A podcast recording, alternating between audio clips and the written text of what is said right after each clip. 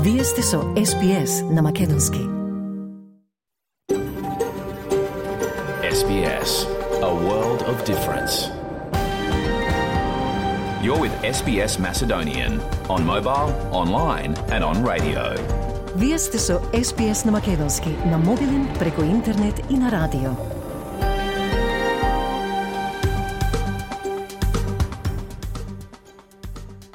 СБС им оддава признание на традиционалните собственици на земјата, од која денеска имитуваме програмата на македонски јазик. Со ова изразуваме почит кон народот Воранџери во Иворанг, припадниците на нацијата Кулин и нивните минати и сегашни старешини.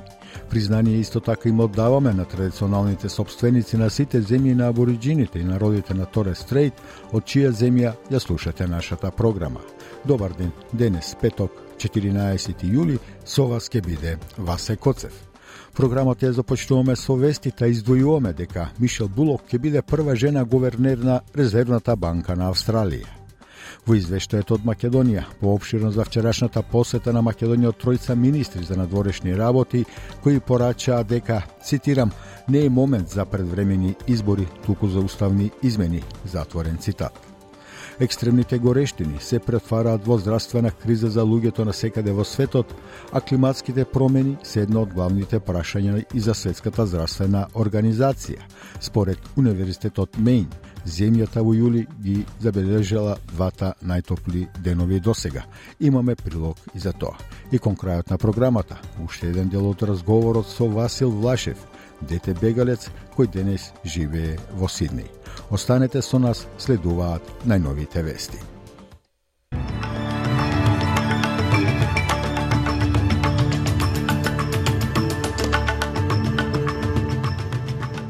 Од денешниот билтен вести издвојуваме. Мишел Булок ќе биде назначена за прва жена говернер на Резервната банка на Австралија – Холивуд ќе го има своето најголемо затварање во последните 4 децении откако актерите се приклучуваат на штрајкот на писателите. Не е момент за предвремени избори, туку за уставни измени, порача вчера Европската тројка министри по посетата на Македонија. И од спортот, Матилдас вечерва играат пријателски надпревар против Франција.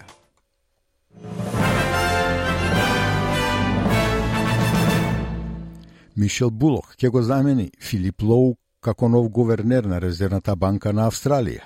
Господја Булок ќе стане првата жена гувернер на Резервната банка и девета поред досега.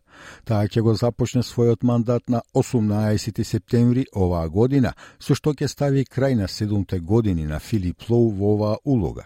Премиерот Ентони Албанези вели дека незиното назначување следи по ригорозен процес, вклучително и консултации со опозицијата. Michelle will be the first female governor since the independent RBA was founded in 1959. After close to four decades of service to the RBA, most recently as the Deputy Governor, Ms Bullock is eminently qualified to lead this national institution. Пени Вонг разговараше со невисокиот кинески дипломат Ван Ги по втор пат во една година на состанокот на министрите за надворешни работи на Југоисточна Азија, АСЕАН во Джакарта. Господја Вонг вели дека ја повторила позицијата на Австралија за низа прашања, вклучувајќи трговски пречки, конзуларни случаи и човекови права. Таа вели дека двете земји разговарале за начините за развој на нивните билатерални односи и за надминување на разликите. The government's made clear uh, that we believe it's in both countries' interest to stabilise the bilateral relationship. We've made clear that it's in both countries' interest to continue uh, to engage in dialogue. Uh, you've heard me say many times uh, we can grow our relationship and uphold our respective national interests if we navigate our differences wisely. Господја Вонг последен пат се сретна со господин Ван кон крајот на минатата година во Пекинг, со што стана првиот австралиски министер што ја посети Кина во последните три години. Поранешниот сопруг на жена од Сиднеј е обвинет за неизиното убиство и прекршување на судска забрана за наследство. Смртта на Кристин Ракеч во домот на Рутиху во вторникот на 14 јули беше последната во низата наводни смртни случаи поврзани со семено наследство низ градот во последниве недели. Низиниот поранешен сопруг, Душан Ракич треба да се соучи со локалниот суд преку видеоврска од неговиот болнички кревет во петок наутро под обвинение за убиство, кршење на кауција и непочитување на наредбата за приведување поради насилство. 50 годишникот беше во индуцирана кома откако се здоби со критични рани на грлото и рацете, откако наводно ја нападнал господја Ракич во вторникот вечерта. Вчера во работна посета на Македонија беа министрите за надворешни работи на Австрија Александар Шаленберг, на Чешка Јан Липавски и на Словачка Мирослав Влаховски, за да ги пренесат официјалните ставови на Европската Унија по однос на прашањата поврзани со европристапното досие на Македонија. По неколку часовни средби со представници на власта и опозицијата, Министерската тројка го потенцира заклучокот дека Македонија треба да го искористи моментот за откочување на евроинтегративниот процес, иако како што рекоа на пресконференцијата, цитирам, свесни се за сензитивноста во процесот на уставните измени, но не постои начин тоа да се избегне, затворен цитат. Европските министри се сретнаа и со координаторите на политичките партии и пратениците во собранието, меѓу кои и со групата на ВМРО да ДПМН. За телевизија 24 под председателот на партијата Александар Николовски повтори дека за ВМРО да ДПМН уставните измени се затворена тема. Тоа се едни а, стандардни по, а, посети, би рекол и стандардни а, пораки од двете страни. Позицијата на ВМРО да ДПМН е многу јасна, тоа е дека а, ниједен пратеник од пратеничката група и секако целокупната политичка партија не прифаќа промена на уставот под бугарски диктат. На вистина, ова што се случува на Македонија е невидено во модерната европска историја.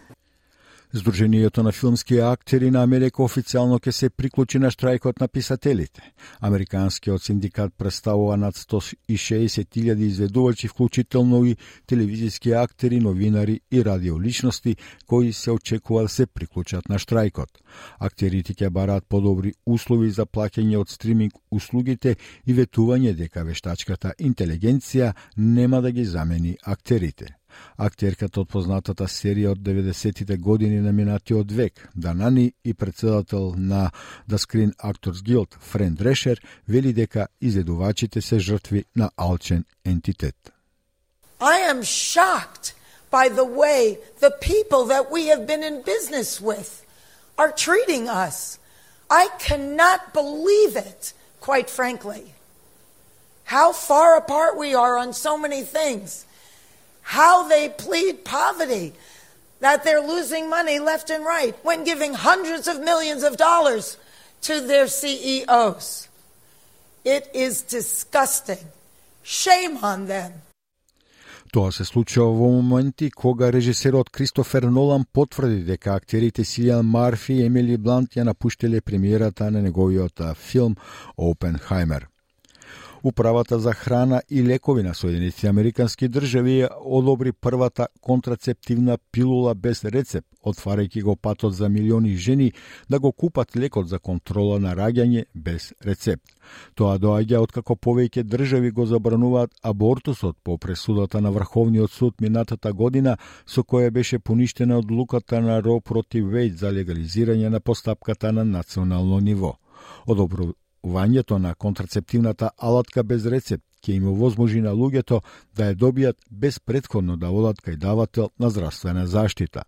Локалниот жител Меридит Вилсон вели дека тоа е значаен чекор, особено во време кога репродуктивните права се скратени во многу делови на Соединетите Американски држави. Having safe access to what is healthcare is really important, especially for women in places where that right has been taken away or in danger. I think it'll lower the risk of unsafe abortions or unsafe pregnancies. And I think women's health care, both cis and trans women, is really important that this access be allowed. Две групи поврзани со Светската здравствена организација прогласија дека вештачкиот засладувач аспартамо останува безбеден за консумирање до одредени количества и покрај тоа што е можно да е канцероген. Пресудите се резултат на две посебни експертски панели. Едната испитува дали има докази дека субстанцијата е потенцијална опасност, а другата проценува колкав ризик представува субстанцијата. Аспартамот е еден од најпопуларните засладувачи во светот, кој се користи во производи од диетална Кока-кола па се до гуми за джвакање. Доктор Томас Галиген е главен научник во Центарот за наука од јавен интерес. Тој вели дека истражувањата покажуваат дека засладувачот треба да се избегнува поради можните здравствени ризици. The SPI has long recommended that consumers avoid aspartame because of concerns about cancer. So now IARC, a respected international authority on cancer, is echoing those concerns, classifying this very widely used sweetener as possibly carcinogenic. And this is really important, and consumers should take notice, and as should the food and beverage industry, and as should regulators. They should take notice and take action. Во период кога децата широм Австралија се подготвуваат или се враќаат на училиште, здравствените власти искажуваат загриженост за слабата примена на вакцината против грип. Само 35% од децата се вакцинирани на национално ниво. 11 годишно девојче во Квинсленд почина во болница од вирусот, што е втора потврдена смрт на дете од грип во изминатата недела. Директорката на Националниот центар за имунизација, истражување и надзор и педијатар професор Кристин Мекартни изјави за Seven Network дека овој вид на грип предизвикува сериозна болест. We're really encouraging children to be vaccinated at the moment.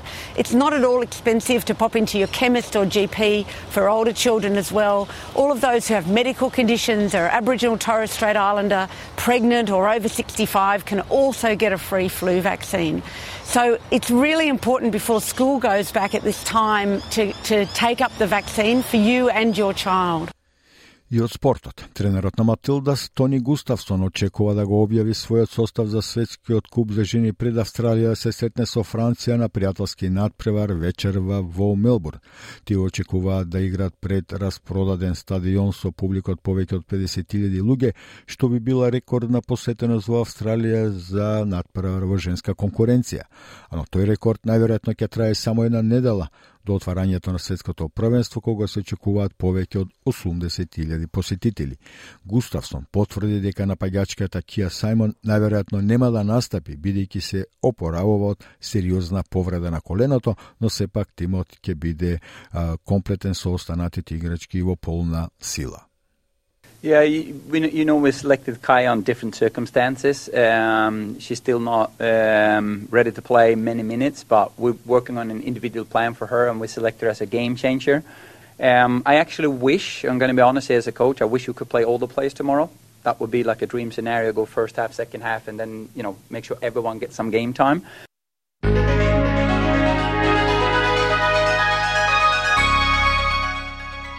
И од денешната курсна листа, денеска еден австралиски долар се менува за 0,60 евра, за 0,67 американски долари и за 37,35 македонски денари, додека еден американски долар се менува за 55,39 македонски денари, а едно евро за 61,33 македонски денари. Во продолжение временската прогноза за утре сабота 15 јули за поголемите градови во Австралија. Перт сончево со температура до 17 степени, Аделајд врнежи од дожд до 14, врнежи од дожд и во Мелбурн но до 13 степени, Хобарт слично време, врнежи од дожд до 12 степени. Камбера делумно облачно до 12 степени, Сиднеј делумно облачно, но потопло до 23 степени, слично време и во Бризбен делумно облачно до 23, најтопло ќе биде во Дарвин, сончево со до 32 степени и во Алекс Принс ќе биде сончево со температура до 24 степени.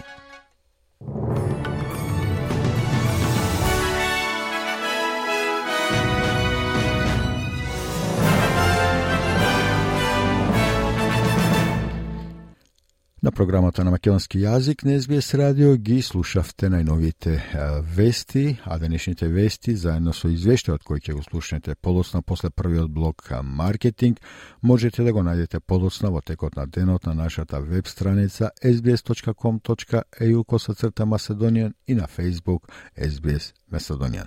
Програмата на македонски јазик на SBS радио ја продолжуваме со родовниот извештај од Македонија, денес подготвен од нашиот соработник Милчо Јовановски.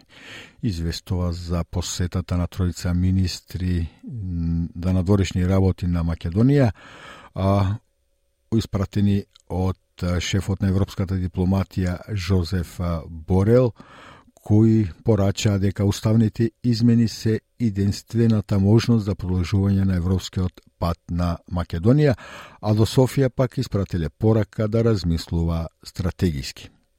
Убеден сум дека уставните измени се во наш интерес и дека не сите во Бугарија се секни за нивното завршување, рече вчера на пресконференција министр за надворешни работи Бујар Османи.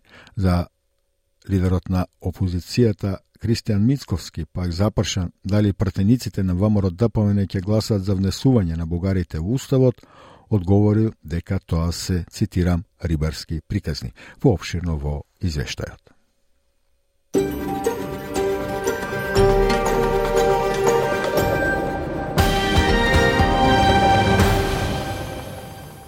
Во работна посета на Македонија вчера беа тројта министри од форматот Славков, Аустерилиц, министерот за надворешни работи на Австрија Александер Шаленберг, министерот за надворешни работи на Чешка Јан Липавски и министерот за надворешни работи на Словачка Мирослав Влаховски. Ополномоштениот високиот представник за надворешни работи на Европската Унија Жозе Борел за да ги пренесат официјалните ставови на ЕУ по однос на прашањата поврзани со нашето европристапно досие. По неколку часовни средби со представници на власта и опозицијата во земјава, Министерската тројка го потенцира заклучокот дека Македонија треба да го искористи моментот за откочување на евроинтегративниот процес на земјата. Свесници како што рекоа за сензитивноста во процесот на уставните измени, но не постои начин тоа да се избегне, посочија министрите на пресконференцијата одржана во просториите на делегацијата на ЕУ во Скопје. Тие одбија да споделат детали од разговорите со опозицијската ВМРО ДПМН, која не сака да ги поддржи уставните измени со образложение дека ќе станат дел од политичката дебата. Цитирам, Дојдовме тука да добиеме печаток од прва рака и имаме пораки кои требаше да ги пренесеме. Ке ги известиме нашите партнери од ЕУ и високиот представник. Овде не сме да се мешаме.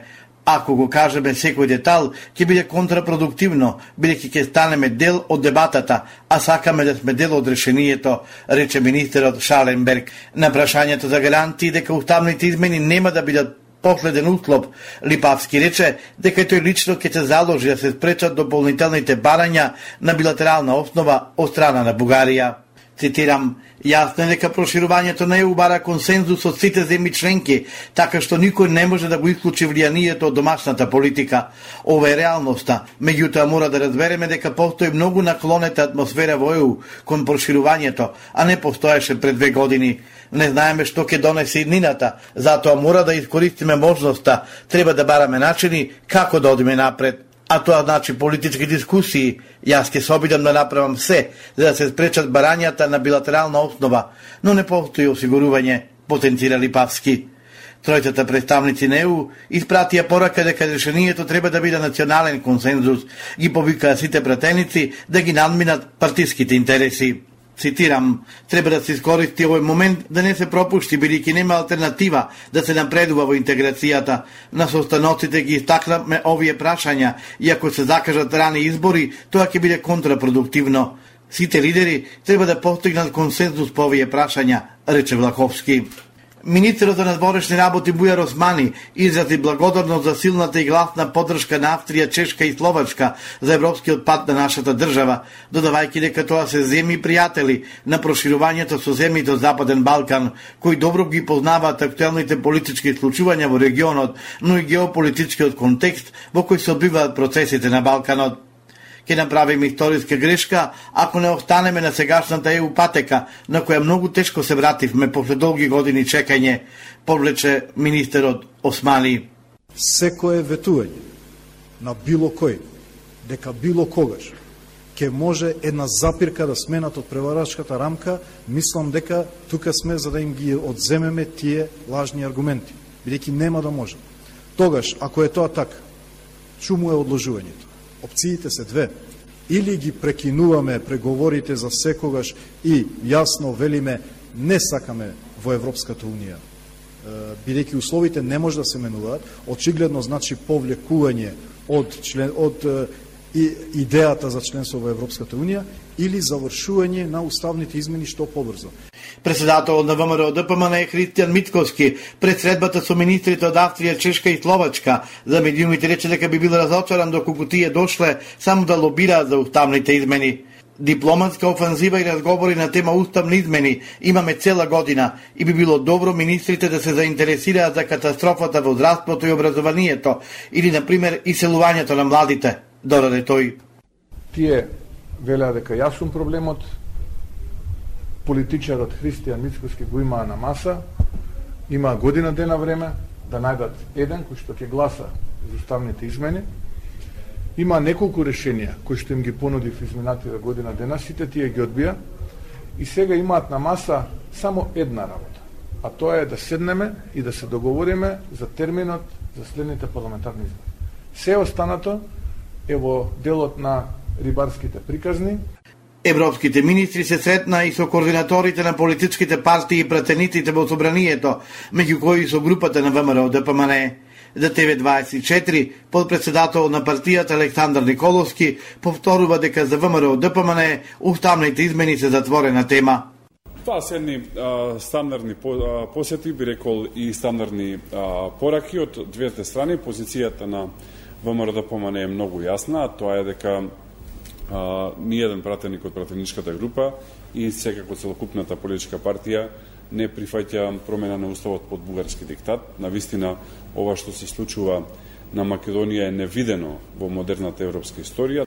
За да може Македонија да ги продолжи преговорите со Европската Унија, потребно е по завршувањето на скринингот до ноември годинава да се метнат бугарите во преамбулата, со што на втората меѓувладина конференција ќе се отпори првиот кластер од преговорите. Поранешната вице-премиерка и министерка за одбрана Радмила Шекеринска, која е подпредседателка на партијата на европските социјалисти, во најновото издание на списанието за обштествени прашања пред извици, во издание на фондацијата Фридрих Еберт, пишува дека до крајот на годинава Европската комисија мора да излезе со нова агенда 2030, во која ќе ги дефинира следните чекори, новите правила и реалната понуда кон земите кои претендираат да се приклучат. Цитирам, Моја оценка е дека поместувањето на геополитичките тектонски плочи реално ја подотвори вратата за наше идно членство во ЕУ, но дека тоа нема да трае многу долго. Оние кои што ќе искористат подотворената врата ќе бидат следните ЕУ членки и тоа во периодот не подолку од 10 години.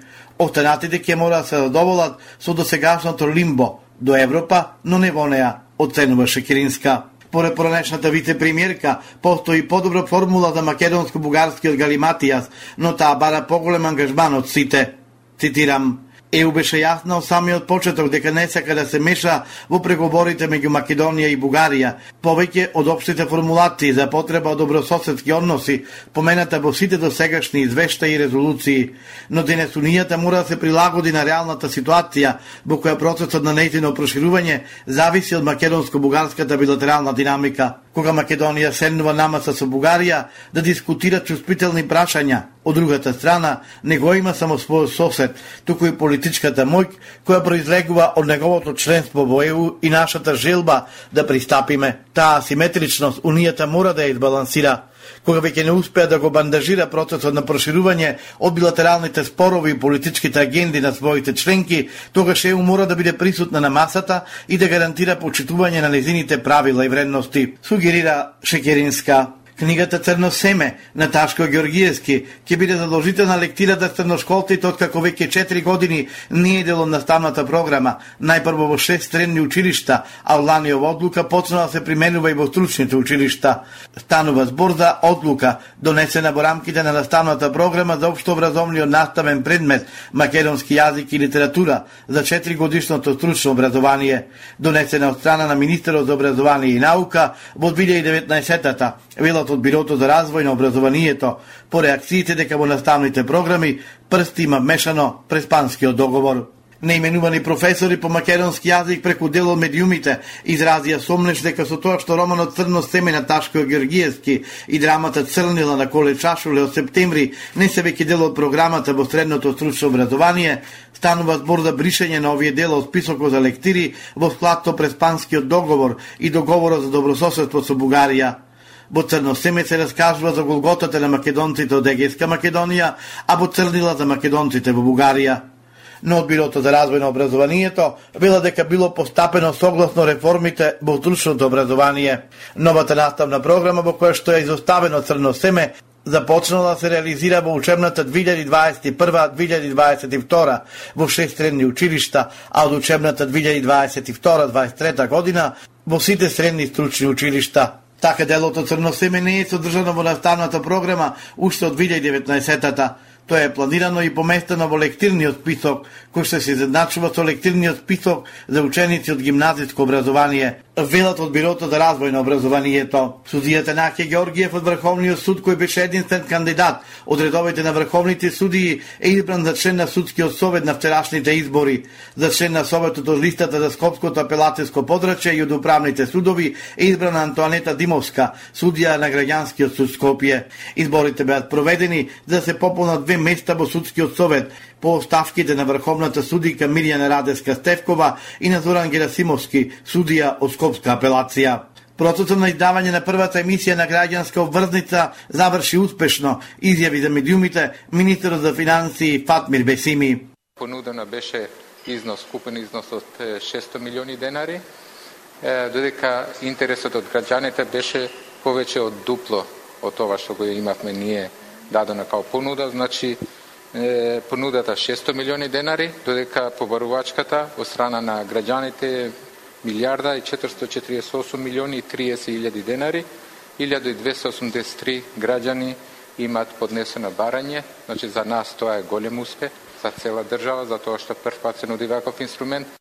Македонија вчера во портокалова фаза со најава за температури наместа и над 40 степени Целзиусови.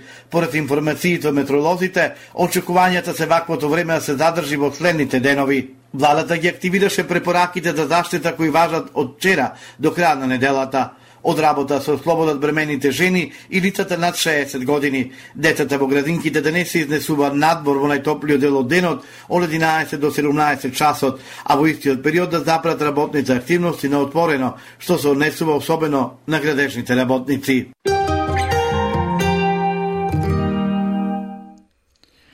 На програмата на македонски јазик на СБС радио го слушавте извештајот од Македонија денес подготвен од нашиот соработник Милчо Јовановски.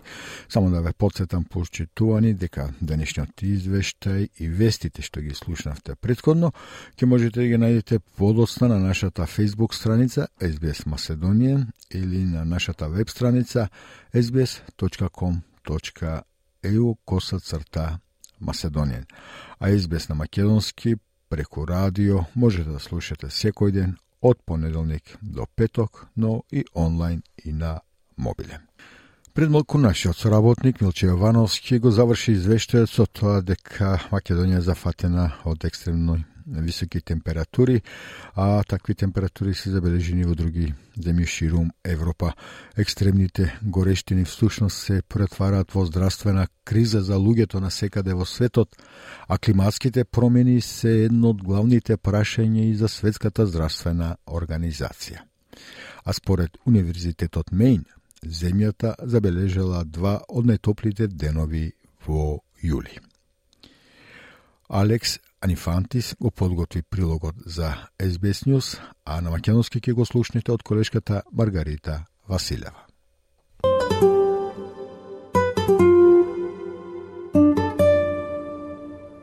Научниците од Универзитетот на Мейн во проектот Climate Reanalyzer велат дека целата планета се потеше на неодамна двата неофицијално најтопли денови во човечкото евидентирање. Вторникот беше потопол за 0,17 степени Целзиусови, што е огромен температурен скок во однос на глобалните просеци и рекорди. Пол Дейвис е главен метеоролог на метеоролошката канцеларија на Обединетото кралство. Тој вели во атмосферата и глобалните временски образци има природна вариабилност, природен феномен кој секогаш се случува од година во година. Она што е различно е состојбата на затоплувањето на климата, што на некој начин дава турбо засилување на таа природна вариабилност. The atmosphere and in the global weather patterns, we have natural variability. So there's a natural phenomenon that always occurs year on year. What's different is the background state of the warming climate that, in some senses, give that turbo boost to that natural variability. Дневниот, но прелиминарен и неофицијален топлотен рекорд доаѓа по неколку месечни неприродни метеоролошки и климатски статистички податоци за годината, како што е рекордната топлина во северниот дел на Атлантикот, рекордно нискиот морски мраз на Антарктикот и брзото зајакнување на системот Ел Ниньо. Овој глобален рекорд не е баш од типот што редовно го користат ентитетите за мерење на климата, како што е Националната асоциација за океани и атмосфера. Но тоа е показател дека климатските промени допираат до непозната територија. Крис Брайли, професор по климатски науки на Универзитетскиот коледж во Лондон, вели дека светот станува се потопол и предупредува дека климатските промени, предизвикани од човекот, значи дека таквата необична топлина ќе стане почеста во следните неколку децении. This is something that we're seeing more of is not just records being broken, which as we move into a warmer world, we would expect the world to be to be warming and therefore more records to be broken, but that they are being broken at ever increasing magnitudes is itself quite concerning. Обединетото кралство го преполни својот најтопол јуни од почетокот на рекордите. Суши и екстремни горештини зафатија делови од Шпанија, а топлотните бранови во Индија и САД доведоа до опасно високи температури. Метеоролошката служба на Шпанија соопшти дека оваа година земјата ја регистрирала својата најтопла пролет досега и втора најсошна пролет. Светската здравствена организација се состанува во Унгарија за да разговара за здравствените предизвици поврзани со климатските промени. Меѓународниот собир ги собира министрите за здравство и животна средина од Европскиот регион на Светската здравствена организација за да разговараат за здравствените предизвици поврзани со климатските промени, загадувањето и губењето на биолошката разновидност. Доктор Ханс Анри П. Клуге, регионален директор на Светската здравствена организација за Европа, вели дека климатските промени веќе ги повредуваат европските здравствени услуги и дека состојбата има потенцијал да уназади 50 години напредок во јавното здравство. I always say the climate crisis is a health crisis. It is no setting back or has the potential to set back 50 years of progress in public health. I will give one example. Two days ago, the world recorded the hottest temperature ever 17.01 degrees Celsius as a global average. I mean, in our region, last year, we saw the hottest summer with more than 20,000 people who needlessly passed away. Тој го наведе примерот кога на двата најтопли денови во светот беше забележена најжешката температура некогаш 17,01 степен Целзиусов како глобален просек и поради кој над 20.000 луѓе непотребно починале. Доктор Клуге вели дека Европа бара да преземе акција.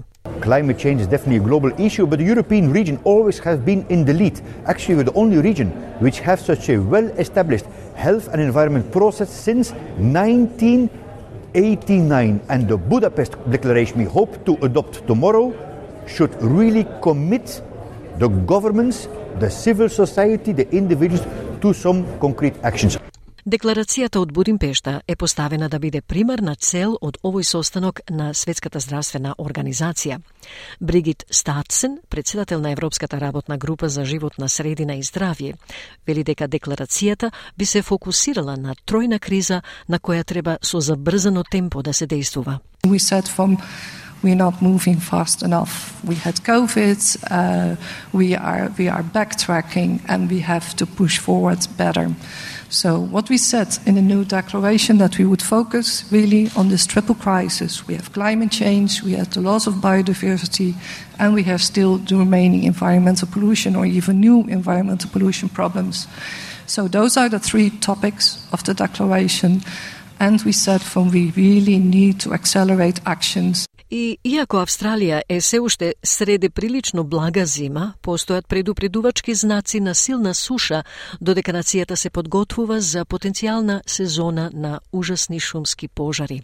Бирото за метеорологија вели дека има 70% шанси за Ел Ниньо во наредните месеци. Националниот менаџер за климатски услуги во Бирото за метеорологија, Кал Браганза, објаснува како луѓето во Австралија веројатно ќе бидат погодени. Тој вели, цитат, вообичаено наоѓаме многу затоплување во централниот и источниот дел на Пацификот, што не е типична шема со тенденција да ги одвлече врнежите од австралискиот регион и да предизвика пониски од просечните врнежи и доста често суша за време на периодот на Ел Ниньо во текот на пролета и летото за Австралија. Така, во споредба со последните три години, каде што го имавме спротивното од настанот Ел Ниньо или Ла Нинја во Пацификот и доста обилни врнежи над Австралија, сега гледаме лето со подпросечни врнежи од дожд и евентуално топлотни бранови и шумски пожари. Затворен цитат, изјави Браганза. Typically, we find a lot of warming in the central and eastern Pacific, which isn't the typical pattern. Um, what that tends to do is drag rainfall away from the Australian region and cause um, lower than average rainfall and quite often drought during an El Nino period over spring and summer for Australia. Compared to the last three years, where we had the opposite of an El Nino, a La Nina event in the Pacific, and quite heavy rainfall over Australia, um, we're now looking at a summer of below average rainfall and possibly heat waves and bushfires. А што тоа ќе значи за австралиските здравствени услуги кои веќе се под притисок, допрва ќе се види.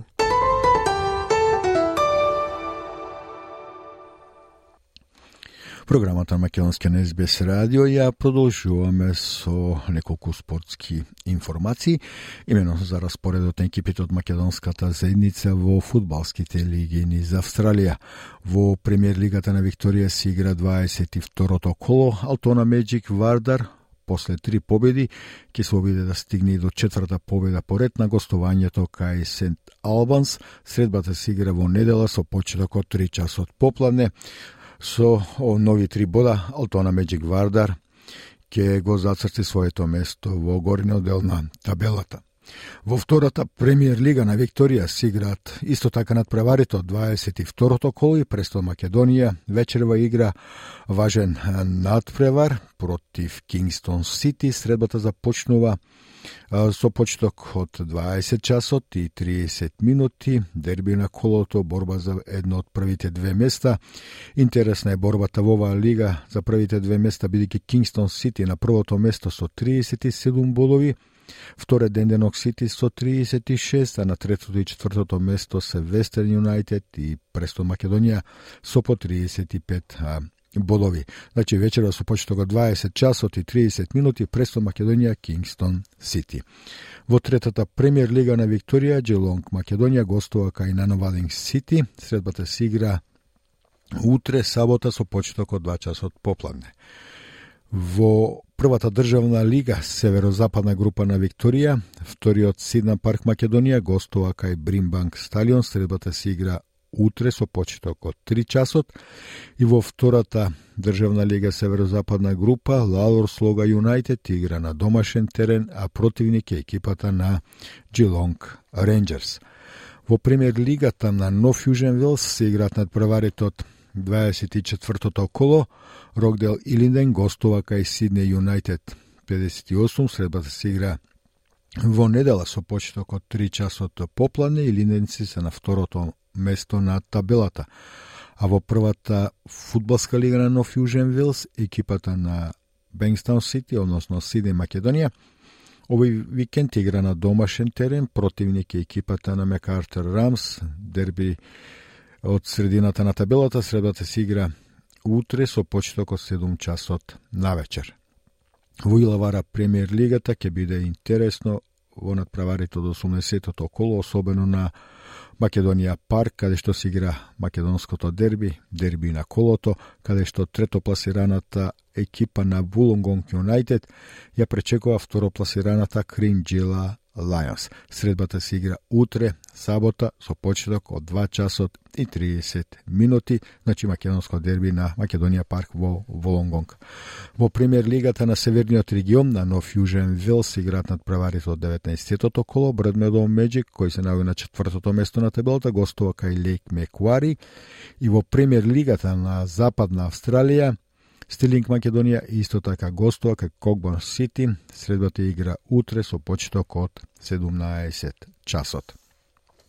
И за крај од овие информации, само да ги соопштиме резултатите на македонските представници во конференцијската лига во Европа. Се игра првото квалификацијско коло. Шкендија со 1 спрема 0 го победи Хаве Фордвест од Велс. Македонија Ѓорче Петров загуби на домашен терен од Рига од Летонија со 0 спрема 1, а Шкупи на гостувањето кај Хагелман во Литванија забележа победа од 5 спрема 0. Програмата на македонски јазик ја продолжуваме со разговорот со господинот Васил Влашев, дете бегалец од 1948 година, судбоносна година за 28.000 македонски деца од Егејска долна Македонија, а меѓу нив и за Васил Влашев од селото Брезница, сега веќе на 89 годишна возраст кој живее во Сиднеј. Мегалската приказна на спас од бомби и митрализи поради граѓанската војна во Грција го носи Васил во детски дом во Романија, на која земја тој останува за секогаш благодарен што на деца како него им подари храна за солниште и подобра иднина преку образование. Васил Влашев на годините поминати во детските домови се сеќава како да беше вчера. Тој денеска раскажува за чекањето на ред за храна во дом со 3000 деца, операција на слепо црево, овој пат со анестезија и полагањето испит за електротехничар. Приказната на Васил Влашев е дел од разговорите со поранешни деца бегалци, кои се уште се меѓу нас, а чиј повод е 75 годишнината од големиот екзодус во 1948 година во времето на Греганската војна во Грција. Со господинот Влашев разговара колешката Маргарита Василева.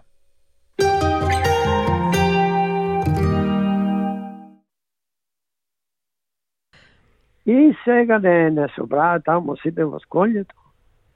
И јас малце бе лут како, како дете. Да. И имаме таму екипа, играме футбол.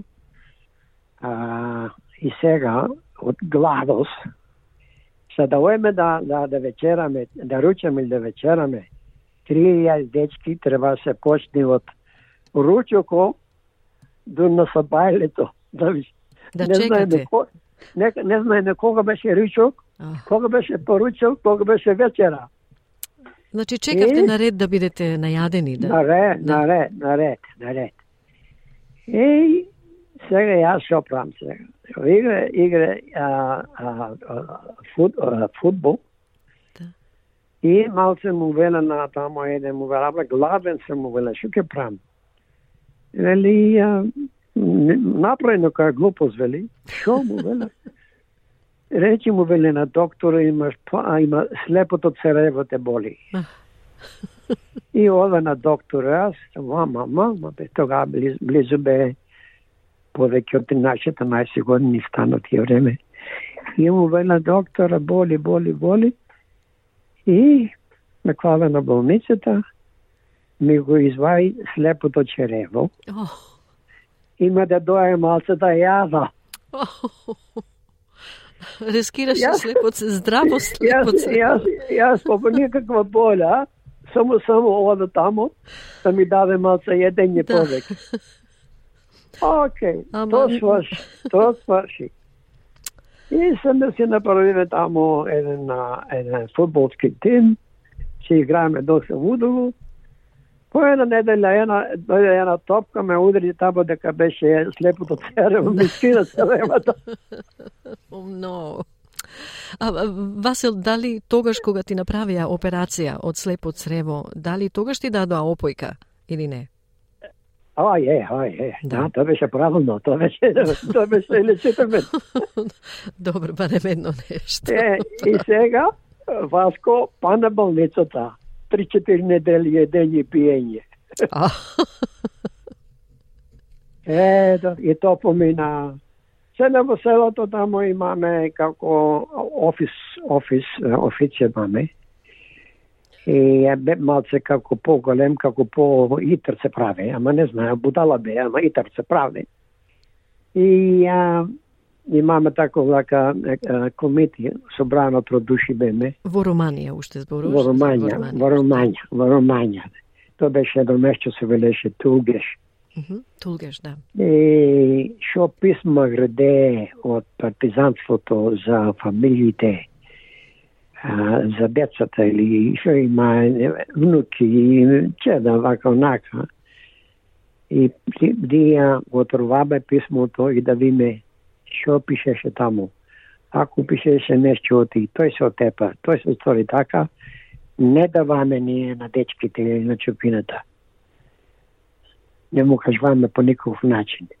Зашто инак имаше многу гузба, имаше многу блачење, многу, многу диахонија ке беше и така све беше работата матна, матна. Е, сега поминаме, тамо беа со, со малото сестричка, што уште бија жива. А, дојде време сега да најдете некои 15 години станаме. Благодарост на Руманија, од то селцо не пуши сега, во други места, во школи, да учиме санает или нешто да си ја направиме живота полесна на науката, што немаме ние таква наука од некој. Да. Е, јас со други мои пријатели. Вие што што учевте, што избравте? Е, сега во таму не пошие на доста деца ојдоме на електротехника школа. Беше далеко од тој град дека беме, беше некои 500 километра.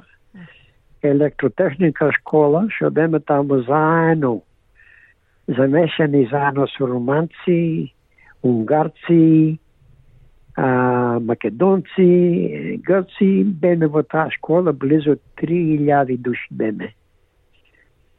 Но ние како чужостранци што беме, живееме во, во истата школа, немаме никаде да ојме, па руманци повеќе си одее во селата или во градо, не живее тамо мал, малце, малце сума де таму, се седе. Е, свършиме тоа од таа школа. И живееме таму во школата, једење, пиење, учење. И учење се се во едно, Everything. едно место. Све, све не беше, све не беше погодено. Uh -huh. Се учеме, таму беше фабриката дека праве а, големи трансформатори а, за струји и такви работи. Да. И па ние имаме еден мајстор, имаше една група собрани, беме некои 15 деца. Другите ојдое за пламери, другите ојдое за други работи. Секој, секој си се позна еден да, да научи, еден да. знае. Да. Е, е, па ние тоа време свршиме та, та, та, во тоа то време, сега, после пет години, и сега што се прави? Ако се ја малце итер, и малце знаеш познавство, Румања не поши на велика школа, high education. Да. Све платено од Румања.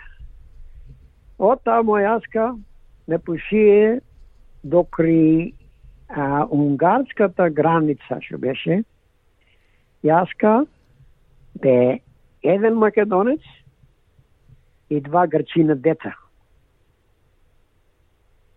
И во исто времено, пуля, други 10 со 12, може 15 чупина дојдоја во таа школа. Таа беше школа за да не, да не погоде, да не, да не груминг, да не направи да оеме на високото школје и на университет.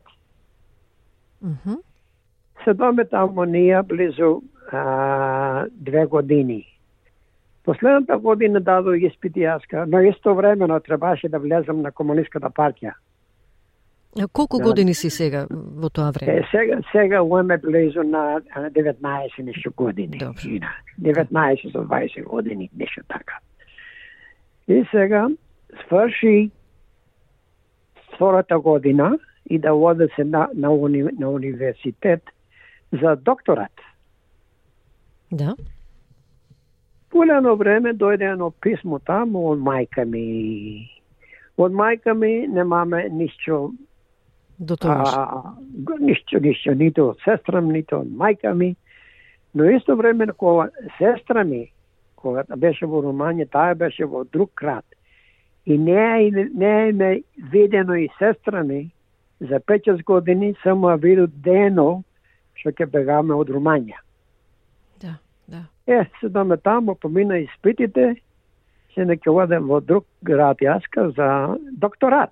Сакаше да чекам такви работи, но не беше сите платено. И то, не може да му заборам на Руманија јаска што направи за нас. И по едно време земено писмо. Мајка ми не беше учена, не знаеше писмо. Кога таа се роди во, во, во, во едно село, а, се велеше Габриш, бе тие бе три сестри и три братја. Братјата избегани бе во Република Македонија, Македонија уште 20 година. Сенде таа остана, мајка ми остана во селото, во селото таво пред да, да се мажи со татко ми, да гледа две близначки сестри. Така си остана мајка ми без наука. Едната сестра стана учителка и другите повремено едната избега во, во, во Америка, другата ојде во Русија. Но долги работи, долги работи што мајка ми стана, остана без писмо. Да. Нога беше многу паметна. И сега од а, кога беше Полска, таму работаја тие на земјоделство, додека праве компири и таквие производства. Крајно писмо една жена во исто село ни пише едно писмо, вели така и така, вели татко ти направи молба, вели да собери, да собери фамилијата а, за во, во Австралија. Сега нито виде, нито чу, нито ништо. Тога беше како а, решение Union Families а, во цел свет. И татко ми тога се разбуди, направи молба прво прво за, за по време знае дека беше мајка ми. Знае се дека бе ние во Руманија, а не можеше да има контакт по никаков начин. И таа да, жената ми ја пише на писмо така и така, вели мајка ти ја абара татко ти да војде во Австралија. Му вела со драго срце, со драга душа, нека си го и кај мажа му вела. Вели, ма не, не може да би така. Не, не така, така. Јас ту, јас му се се научи. Порасте човек, сега стана е, годинки ми дојдој. Школи, све провено, беше добро. И по едно време ми дојде и мене книга. И сега што да правам, што да пуста. Му одговорам му на, на, на ваа жената преку, на мајка ми преку жената. Му веле што ќе мајко, прв пат ја скочне мајка ми и таа. Било на мајка, вели, татко ти не ба да се собере, да се собериме сега цела фамилија. И ако не ти дојдеш во Австралија, ако не сака да дојдеш да пред татко ти, јас ке дојде во Руманија ми вели. Е сега, што ќе те правам мајко во Руманија, јас живе во една одајка таму, нито главата не, зна, не, ме- не знае, нито капа да знае. Е, се вела сега, сега, се, се што да правам, што да пуста.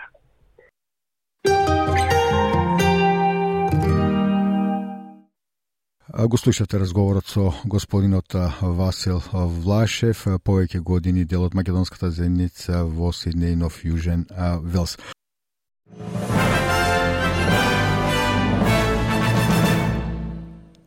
Го слушате разговорот со господинот Васил Влашев, повеќе години дел од македонската земница во Сиднејнов Јужен Велс.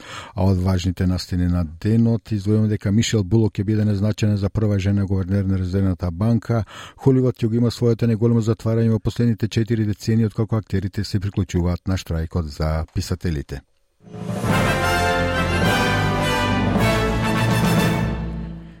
И со тоа, почитувани слушатели, стигнавме до крајот на денешнава програма. Денес со вас беше Васе Коцев. Ви благодарам за вниманието што бевте со нас. Ви просакувам пријатно попладне, пријатен викенд и бидете повторно со програмата на СБС радио во понеделник точно напладне. Стиснете, ми се допаѓа, споделете, коментирајте. Следете ја SPS на Македонски на Facebook.